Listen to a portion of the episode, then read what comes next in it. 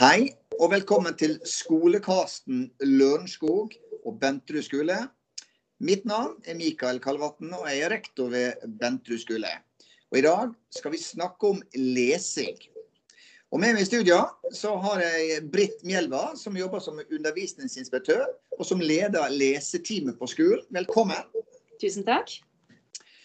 Bentrud skole har jo et mål om å utvikle lesing eh, for elevene våre. Dette er et klart og et stort satsingsområde. Og vi kommer til å spille inn eh, flere og mange episoder rundt lesing.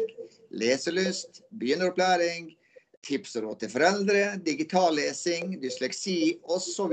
osv.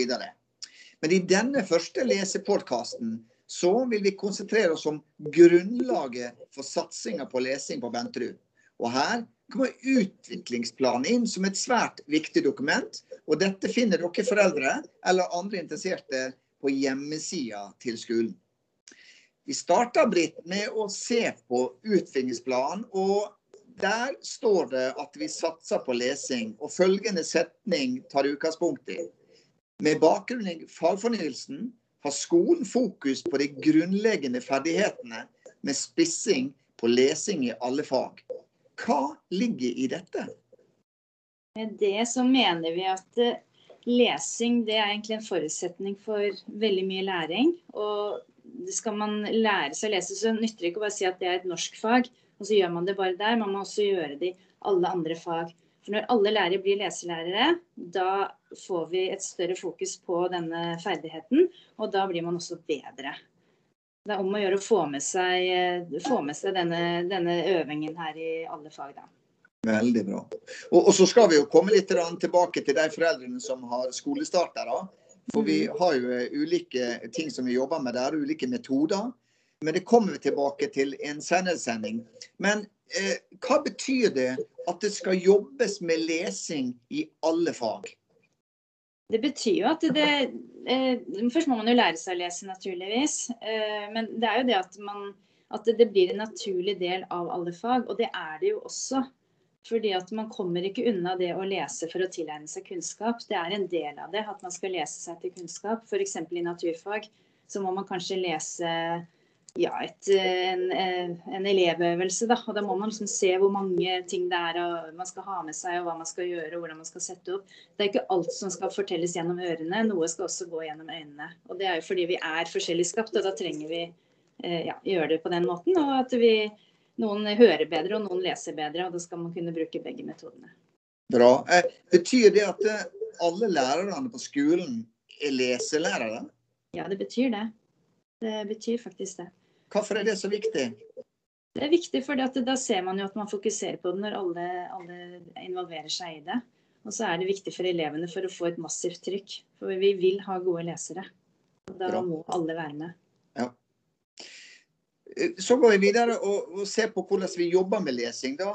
Og vi har både elevene, vi har foreldrene, eh, ansatte. Hvis vi ser opp mot elevene, hvordan jobber vi med lesing opp mot elevene? Ja, for Først og fremst så er det jo den grunnleggende leseopplæringen. Vi må lære de å lese. og Det er jo primært det første skoleåret hvor det foregår.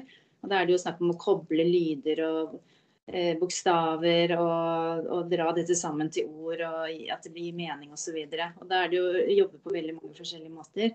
Så det, det kommer vi nok tilbake til med den grunnleggende leseopplæringen der. Men eh, i tillegg så er det jo oppover på trinnet. Når man først har lært seg å lese, så skal det jo øke, øke en slags hastighet hos elevene. Lesehastigheten, og det får man jo ved øvelse. Eh, og så må vi sjekke at de henger med og forstår det de leser. for Hvis ikke de forstår det, så har det helt unødvendig å kunne lese, for da har det ingen hensikt. Så er det jo sånn at Når vi tenker at ja, nå kan jeg lese, og jeg leser kanskje 80 ord i minuttet, eller kanskje litt færre enn det, så burde det være nok. Men det er ikke alltid det. For hvis vi har et ord vi kaller teknisk analfabet, og det er, jeg husker ikke helt tallet der, men kanskje sånn 70-80 ord i minuttet, så kan du lese og du kan få med deg ting. Men la oss si rulleteksten på TV, eller, eller den teksten som er under på TV, den går litt fortere enn det man kan da lese. Og da er det masse informasjon man ikke vil få med seg hvis man trenger å lese den. Eller på en togstasjon hvor ting bare flyter nedover. Mm. Det er viktig å få et visst nivå på lesing, og Derfor skal vi øve hele tiden mens vi går på mentorskole. Bra. Og så har vi, har vi, en fast rutine på skolen i forhold til det med lesekvart. Det er vel stort sett ja. Eh, de fleste som følger? Ja, det gjør alle. Det, akkurat helt i starten av første klasse så er det mer at man blir lest for osv. Men, men når man først kan lese, så er det egentlig en sånn start på timen. Når, når barna kommer inn i klasserommet, så de, har de en rutine at de setter, tar opp bøkene, setter seg og leser.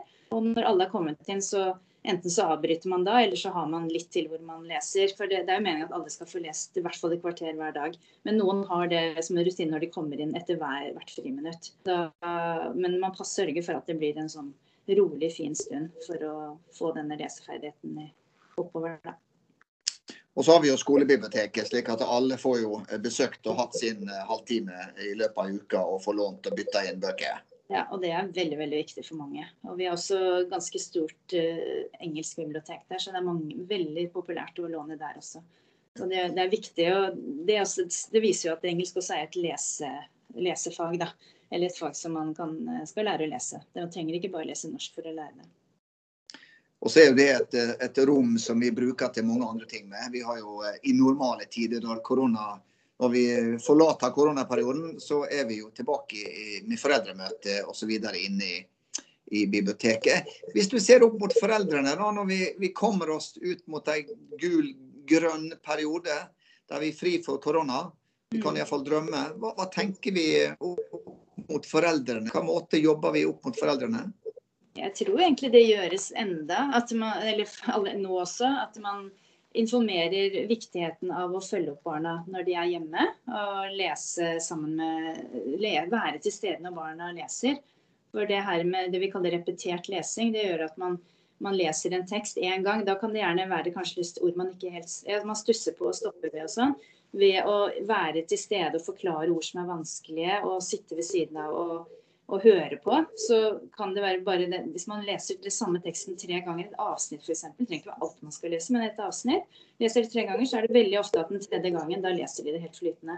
Og da har de med seg ordene i den teksten videre. Da er de lette å, å få flytende siden. Så den biten der, den er mye lettere for foreldre å følge opp enn det er for en lærer som har 28 eller 26 eller 25 elever. Veldig bra. Og da kommer du inn på, inn på, det som vi i neste podkast eh, kaller 'Tips og råd til foreldre når det gjelder lesing'. Yeah. Eh, og den til dere der ute, den, den kommer om litt eh, etter denne podkasten.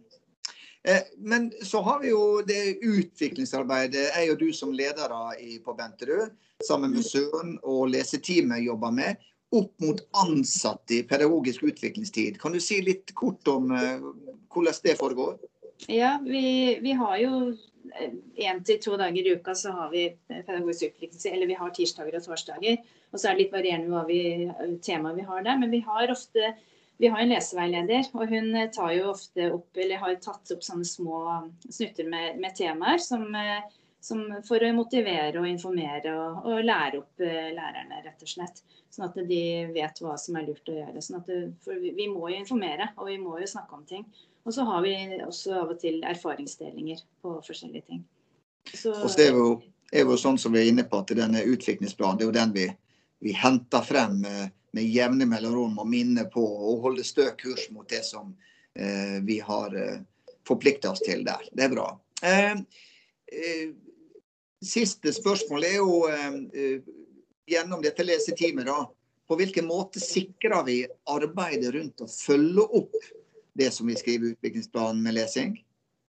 Jo, vi følger det opp. Vi har, eh, vi har jo et leseteam som vi kan spørre om råd, og vi samles innimellom. Så, og, vi, og, de er jo med, noen av de på ressursteam hvor vi tar opp elever som strever med lesing. Når de har kommet dit at vi trenger å snakke mer om det. Så de kan gå i gode råd. og Der er jo vi ledelsen med. Det er for jeg som leder. da. Og så er det leseveileder som eh, driver med lesekurs og, og gir veiledning til lærer og, og, og, følger opp barn på forskjellige måter. Både klasselesekurs og vanlig lesekurs. Eh, og så har vi Spesped-koordinatoren som eh, kan bidra inn der og, og teste bl.a. Hvis det er behov for det.